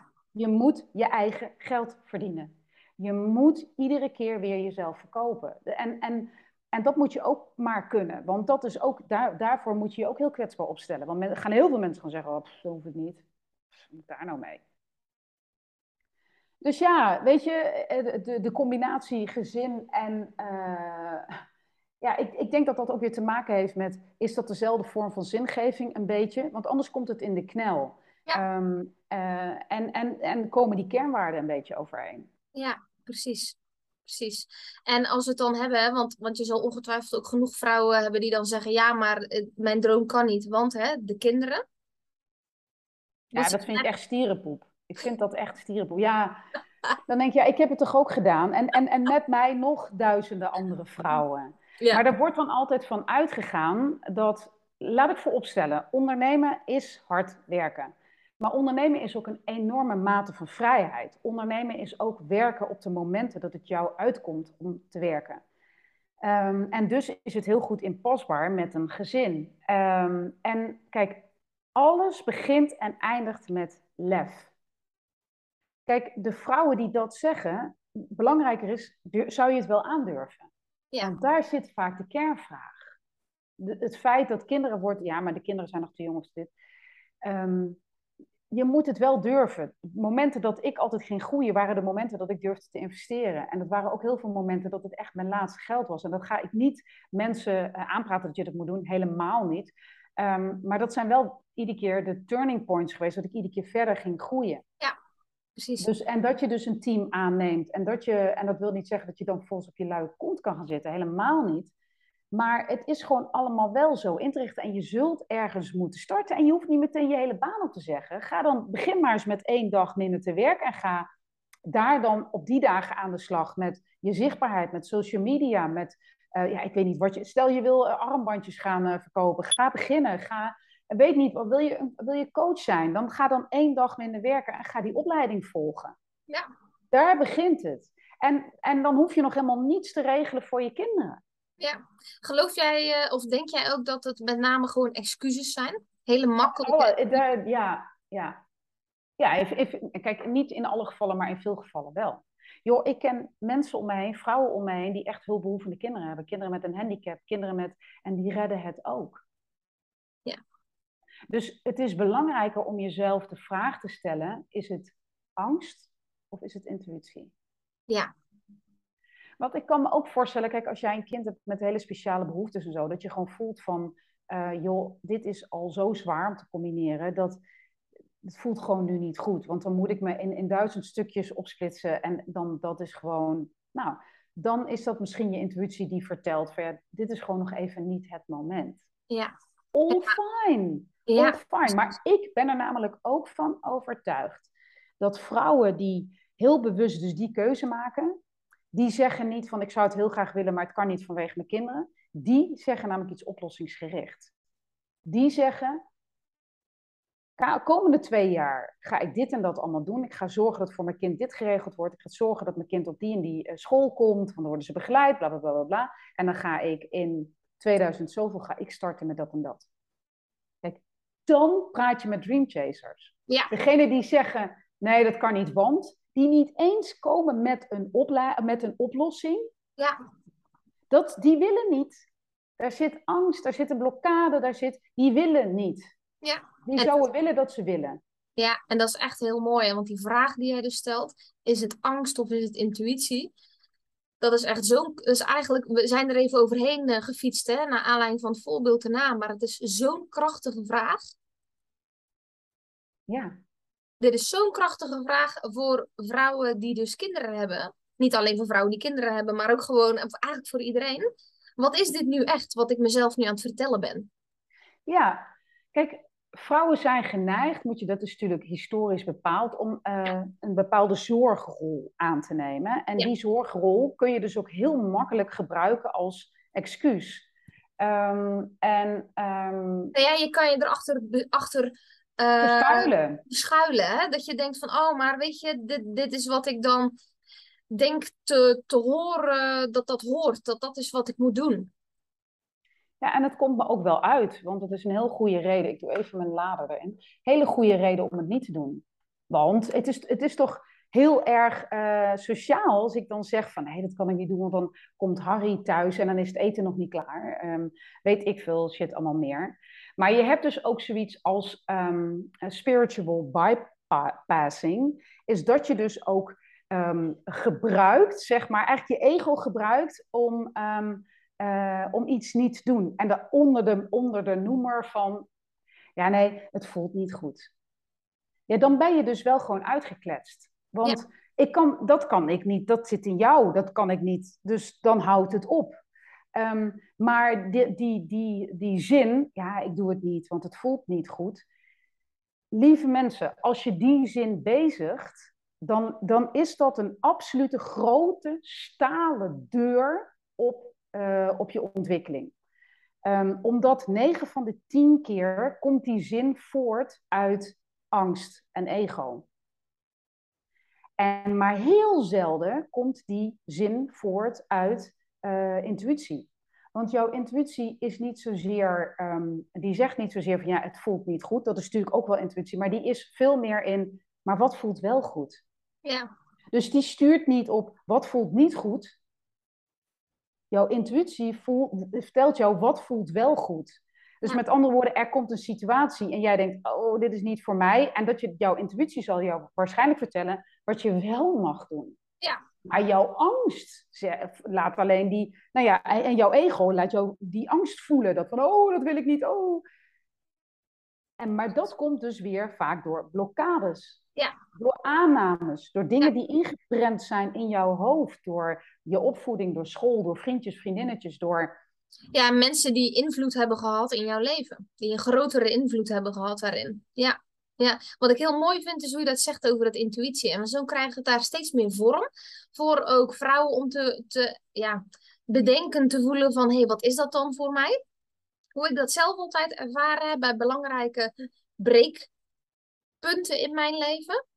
Dat ik altijd dat gevoel kreeg van, oeh, ik vind het spannend. Heel erg spannend gevoel in mijn hart, in mijn buik. Ik zou bijna willen zeggen vlinders, maar toch ook echt wel meer die, die spanning. En dat ik dacht, oh, ga ik dit doen? Ga ik dit nu echt doen? En ik dacht, ik weet niet hoe dit uit gaat pakken, maar ik voel gewoon van, dit is spannend, maar ik ga het toch doen.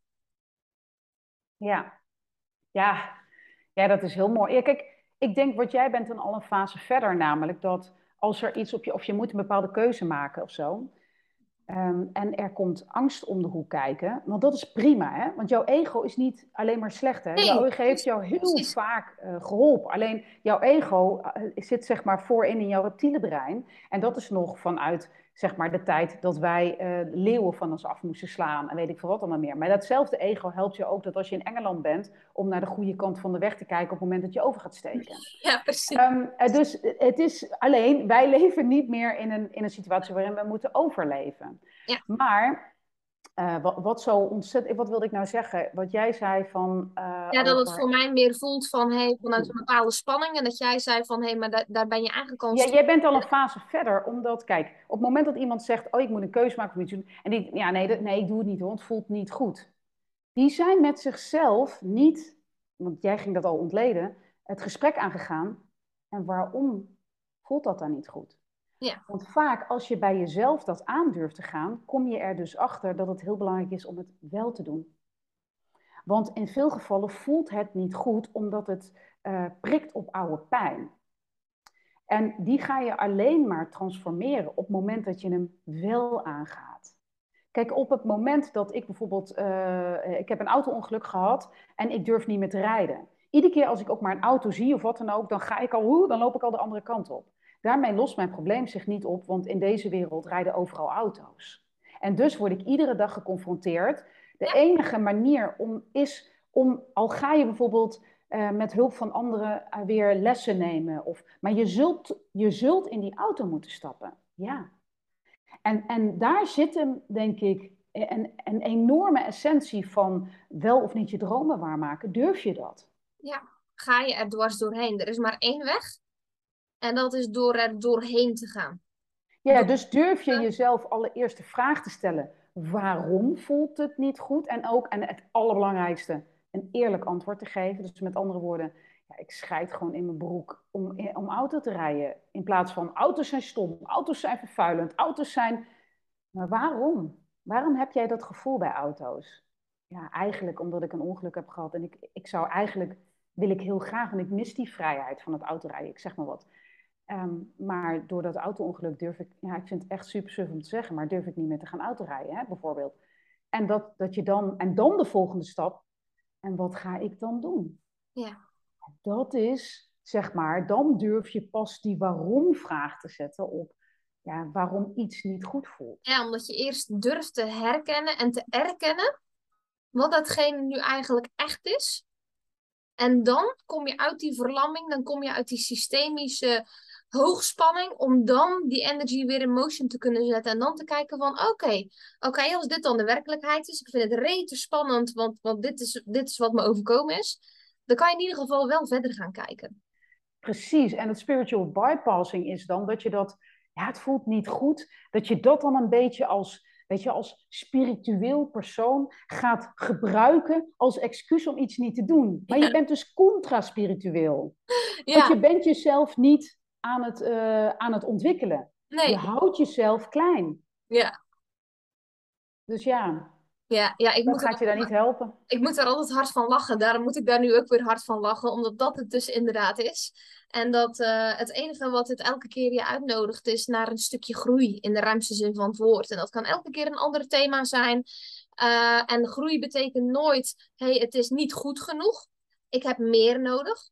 Groei betekent gewoon letterlijk daarin van, hey, er worden jouw dingen aangereikt, waarin je aangekeken kan worden om jezelf beter te begrijpen en om vanuit daar dus dan leven te creëren, wat jij dus echt zo graag wilt. Om dat droomleven, wat dan voor jou dat mag zijn, wat natuurlijk al eerst uh, hoe, hoe ik dat eigenlijk ervaren heb, is van hey, voor mij is dat echt voelen. Ik kan heel veel vanuit mijn hoofd gaan denken van, oh, ik zou bijvoorbeeld die B&B willen in Portugal. En ik merk dan aan mezelf van, ik kan het wel bedenken, maar ik moet dat echt ervaren. Ik moet daar staan. Ik moet dat voelen. Ik moet in die ruimte staan. Ik moet in die omgeving zijn. Is dit dat dan?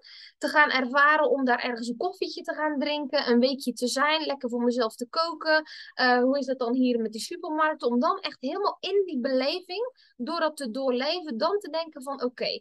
Is het iets wat ik dan op tv heb gezien, wat ik bij een ander in plaatjes helemaal fantastisch vind, maar nu eigenlijk erachter kom van, oh ja, nee, nee, dit is eigenlijk een droom van een ander die ik nou probeer na te doen? Ja. Of is het nou oprecht echt mijn droom? Omdat ik voel, als ik dit nou doe, dat ik denk, oh, dit is zo fantastisch. Dit is echt wat ik wil. Ja, maar het mag ook een nee zijn, hè? Precies. En dat is ook weer zo'n zo'n stukje wat een taboe is, hè? Van, oh ja, maar ik kom er nu achter dat dit het dan niet is. En dat dat ook iets is wat dan niet echt besproken wordt, omdat je dan, het lijkt van dat, dat je dan weer met de staart tussen de benen ja. terug thuis Ja, nou ja, kijk, en dan, precies. En dan zou je dus op basis van ego iets toch gaan doen, omdat anders en ander, want jouw ego gaat, nee, nee, je moet het wel doen. Want dan inderdaad dan met de staart tussen de benen en dan vinden mensen dit en dan is het, nee, jij mag gewoon doen. Uh, kijk, en in dit geval is het um, dat jij niet zegt van, nou ja, weet je, tuurlijk, het is een deel, het voelt niet goed, maar ik denk dat een groter deel denkt, Nee, ik ga mezelf de tijd gunnen om te ontdekken wat ik wel wil. Juist, juist. Um, en, en dus het voelt niet goed. Die negativiteit, die is het niet. Maar dat je denkt van, oh, jouw intuïtie zou vertellen, nou, dat is wel best wel fijn. Want ik weet dat ik dit gewoon niet wil. Oké, nou ja, en, en, en, waar zit het hem dat in? Dat je dan denkt, Ja. ik zit me nu wel te realiseren dat ik dag en nacht voor iedereen zit te zorgen. Precies. Ah, Oké, dus dat, nou ja, en dan krijg je meer helderheid. En dat is een heel positief gevoel, dat je denkt van, oké, Ja. nee, ik ben helemaal geen horeca-type, ik wil dat helemaal niet. Ja. Oké dan, wat fijn, wat ontzettend fijn, wat een goed gevoel. Dan kun je met een heel goed gevoel denken van, oh, nou, wat tof dat ik, die, dat ik het initiatief heb genomen. Ik ben naar Portugal gevlogen, ik heb gekeken. hè. En ik ben weer wat wijzer. Ja, ja, Dus het zit hem niet in de zwaarte van dit wil ik niet. Het zit hem juist in de lichtheid van, nou, oké, wat volgende stap. Ja, precies. Kijk eens wat ik ervaren heb. Dit is wat ik in ieder geval weet van, hé, hey, dit past niet bij mij. Maar wat dan wel? En dat we ook die lichtheid daarin mogen zetten. Hè? Want het enige, even heel simpel, en mensen zien jou, ze denken, oh, Rianne, die woont in Ibiza en in eh, Nijmegen, helemaal fantastisch, die heeft het helemaal voor elkaar. Eh, hetzelfde bij mij, oh, die, die woont in Ibiza, dat ziet er helemaal fantastisch uit. Maar het komt alleen maar simpelweg doordat wij die antwoorden in beweging zijn gaan brengen, door te voelen, door te ervaren, hé, hey, we pikken daar elke keer de kersen van de taart van, oh, dit vind ik wel lekker, dat andere niet. Dus oké, laten we dat andere weer los en gaan we door met die kersen en dan een nieuwe taart daaromheen maken van, hé, hey, maar wat dan wel? In welke combinatie is dat dan wel voor mij? Waardoor je voelt van, ja, dit is waar ik naartoe wil. Eén ding die ik echt geleerd heb in mijn zeg maar, dromenjagersreis is te tweaken. Ja. Wat heel veel mensen doen is, oké, ik, ehm, eh, ik wil naar de overkant. Hè, ik wil iets bereiden, dus of dat nou die B&B in Portugal is, of omdat je een, een coach wil worden, of omdat je, nou wat het ook is. Dus die beginnen een, zeg maar, aan een brug te bouwen naar de overkant. Maar die zijn nog niet halverwege die rivier en die denken, al, oh nee, nee, dat vind ik te lastig. Dit- En die gaan 20 meter verderop weer een nieuwe brug. Dus iedere keer als je dan kijkt naar die hele levensloop, dan zijn dat iedere keer onafgemaakte bruggen. Terwijl maak nou eens één brug af en ga die steeds. Kijk, ik begon ook met een bedrijf wat, waarvan bleek dat het. Maar het is wel de ba Ik zit nog steeds op diezelfde brug, want het is nog steeds mijnzelfde ondernemersbrug. Alleen ik heb hem steeds verder verfijnd naar wat het dan wel is. Op zijn Want- tijd gerenoveerd, de tegeltjes weer vernieuwd, een mooiere Ja. Nou, weet je wat het is? Want je maakt die stap naar die overkant en daar leer je weer allemaal dingen. Want pas toen ik hem helemaal af had, leerde ik: oké, ik wil niet werken in opdracht. Weet je, want als Ja, ik halverwege al gestopt was, was ik, had ik die wijsheid niet gedaan. Oké, weet je, wat voor klanten passen wel bij me? Ik wil niet werken voor corporates. Oké, weet je, dat zijn allemaal dingen waardoor je dus steeds meer... En die brug wordt steeds mooier, steeds groter. Er gaat steeds meer verkeer overheen. Er snap je? Dus dat tweaken van eh, je droom is heel erg... Ga niet iedere keer opnieuw beginnen. Weer met iets nieuws, weer met iets anders, weer met... eh, maar ga gewoon iedere keer met stappen doen wat bij je past. Het is een heel organisch proces. Precies. En dat kan in mijn beleving, en ik denk ook in jouw beleving, alleen maar door die antwoorden in beweging te vinden, door te ervaren, door uit dat hoofd te komen, niet alleen maar hierin te blijven en weer opnieuw die brug te bouwen, maar elke keer te denken, nee, antwoorden in beweging vinden. Ik ga nu deze opdracht doen, ik ervaar hoe dat is en we gaan weer bijsturen.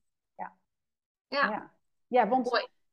juist door op bepaalde momenten door te zetten. ehm, en dan zeg ik niet dat je dat altijd moet doen hoor. Dus blijf erin heel dicht bij je gevoel. Maar ga niet bij de eerste. De, ik, het wordt zo snel de handdoek in de ring gegooid. Ja. En net zoals jij heb ik ook zoveel tegenslagen gekend. Maar ik ben zo blij dat ik altijd weer terugging naar rust. Door te gaan hardlopen, door te gaan wandelen, door echt alleen het bos in te gaan. En door iedere keer weer te voelen van ja, maar dit is wel wat ik te doen heb. Uh, en dit is een tegenslag. Ik word gewoon getest. En, all fine. Ja. Door toch uh, uh, door te zetten. En pas op de momenten, en dat heb ik natuurlijk met mijn vorige bedrijf wel gedaan. Momenten dat ik echt voelde van ja, maar dit. Er zijn te veel momenten op een dag dat het, dat het me tegen de borst stuit. En dat het echt om essentiële zaken gaat. Um, waar ik me niet meer kan, mee kan vereenzelvigen. Dan kun je zeggen van oké, weet je, ten eerste moet ik. Wat heb ik daar dan van geleerd? De keuzes die je maakt. Ja zeggen tegen klanten die niet bij je passen. Niet goed helder hebben wat je, wat je, um, wat je omzetdoelen zijn. Niet goed helder hebben wat voor prijzen je vraagt aan je, aan je klanten. Ook niet goed helder hebben in wat jouw rol is. Dus waar zeg jij tegen een klant nee tot hier en niet verder? Weet je wel, dit wordt zo'n uh, concessieding. Daar kan ik me niet meer in vinden. Um, heel duidelijk zijn in wat ze wel of niet van je kunnen verwachten. Dat zijn allemaal dingen die je leert op het moment dat je doorgaat. En dat zijn allemaal weer prachtige uh, zeg maar bagage die je weer meeneemt in je, in je vervolgproces. Ja, precies. Mooi. Nou, top. Ja, ik vond het helemaal fantastisch. Ja, ik, heb ik ook. Dus, uh, lekker mogen lachen, want ik vind jouw voorbeelden ook altijd zo fantastisch. Hoe je dat uh, weer wegzet. En uh, ik heb daar echt van genoten. Als jij nou nog één tip zou mogen meegeven aan, aan degene die dit luistert. En we hebben het over jouw expertise vanuit dromen najagen. En dan wil ik het nog heel eventjes hebben over jouw boek, want dat is wel belangrijk. dus help me even herinneren dat we dat heel even moeten doen. Maar als jij dus de tip zou mogen geven aan vrouwen die graag willen ondernemen of vrouwen die al ondernemend zijn en die bepaalde dromen hebben. Wat zou dan nog de tip zijn? Dat jij denkt van hé, daar hebben we het nog niet over gehad, maar zou nog essentieel zijn wat diegene zou moeten weten? Ja, verbind je met mededromenjagers. Wees je heel bewust van je omgeving. Dus op het moment dat je een droom hebt, en je gaat dat uiten aan, uh, aan iemand die zijn eigen droom al opgegeven heeft, of eigenlijk alles wel spannend en eng vindt. Ja, weet je, de start van een droom is als een zaadje. En dat kan heel makkelijk vertrapt worden. Dus wees heel secuur met wie jij je dromen deelt. Ja. Want pas als dat zaadje uitgegroeid is tot wel een flink boompje, dan pas, want dan kun je ook tegen een stootje, weet je. Zo'n boompje kan een beetje meewuiven, noem maar op. Um, maar um, dus wees daar echt gewoon, wees een, gewoon een badass door bitch voor je eigen uh, droom. Wauw, wauw, die is echt heel krachtig hè. Het verbinden met gelijkgestemde mensen, dat vond ik ook zo fantastisch. Dat is ook waar wij elkaar ontmoet hebben. Op een diner van een gezamenlijke vriendin hier op Ibiza. Waar dus eigenlijk allemaal dromenjagers zaten. En dat ik toen voor het eerst echt voelde van wauw, hoe fucking vet is dit? Dat ik dus nu aan een tafel zit met allemaal mensen die dus allemaal de gelijksoortige droom hadden van... hé, hey, wij willen wonen op Ibiza, dit voelt goed. En dit is wat we ervoor gedaan hebben om ervoor te zorgen dat het kan. Nou, dat gevoel, dat is inderdaad wat uh, jij en ik eigenlijk iedereen gunt. Omdat dat zo versterkend werkt. Dat je dan echt denkt van, oh, dat, als ik dat al vanaf het begin gehad zou hebben. Ja. In je ondernemersreis, dat je er niet alleen voor staat, weet je wel. Dat je die, die community hebt met allemaal gelijk, uh, gelijkgestemde mensen.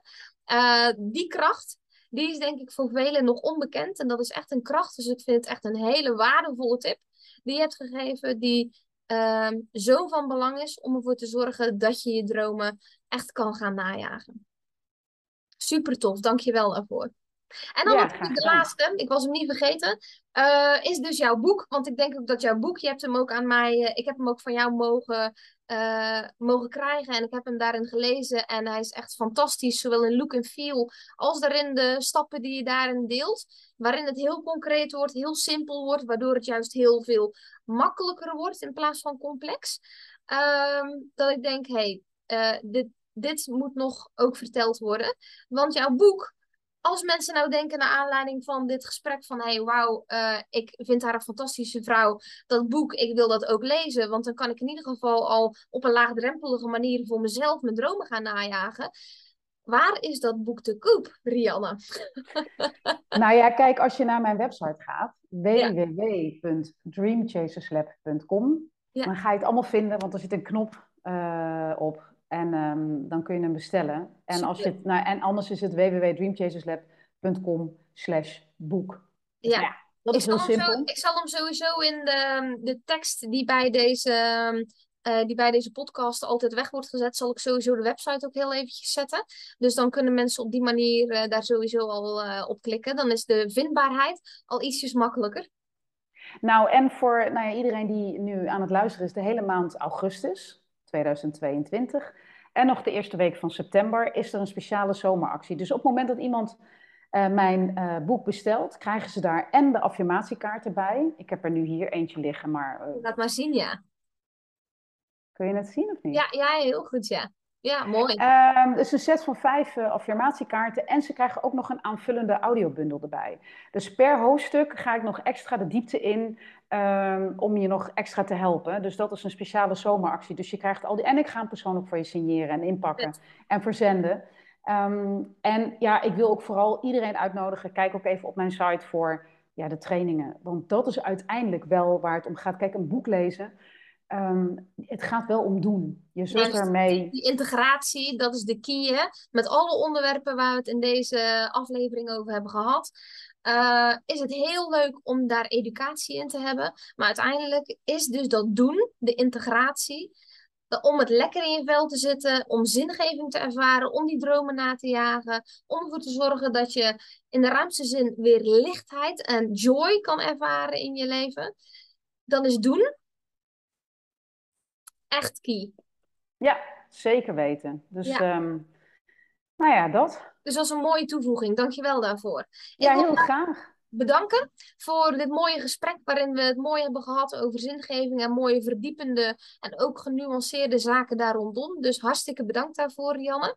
En ik hoop ook dat iedereen die eh, hiernaar luistert, dat ze daar de inspiratie vanuit hebben gekregen. Dat ze ook zeker jou mogen gaan volgen uh, om meer daarover te weten, om lekker daarin onder te dompelen.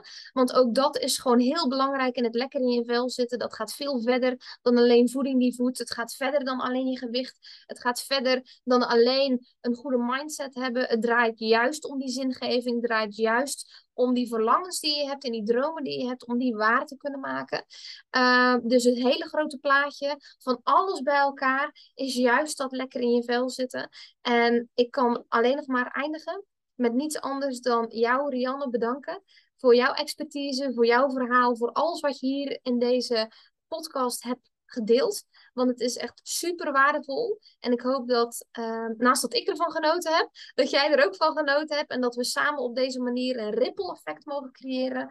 Van alle mensen die dit luisteren. Van hey, wauw. Het ripple effect om allemaal lekker in ons vel te kunnen zitten. Ook op dit gebied. Om ervoor te zorgen dat iedereen hier joy in heeft. Iedereen hier enthousiast in is. En dat zoals we dat bij mij voelen en bij jou voelen. Vanuit dat enthousiasme, vanuit die passie. Helemaal weer terug kunnen gaan staan in het leven. Omdat je denkt, wauw, het leven is eigenlijk fucking fantastisch. Nou, mooi. Jij heel erg bedankt. En we gaan elkaar zien op Ibiza. Ja, we zien elkaar sowieso weer op Ibiza. Ik heb daar weer heel veel zin in. In ieder geval, hartstikke bedankt voor ook het luisteren van deze podcast. Als je deze geluisterd hebt of gekeken hebt, dat kan natuurlijk ook via YouTube. Ook tegenwoordig via Spotify. Uh, en ik zet het op beide kanalen. Dus daarin uh, kan je daarin luisteren en kijken tegelijkertijd. En tot de volgende aflevering. Hoi hoi. Doei!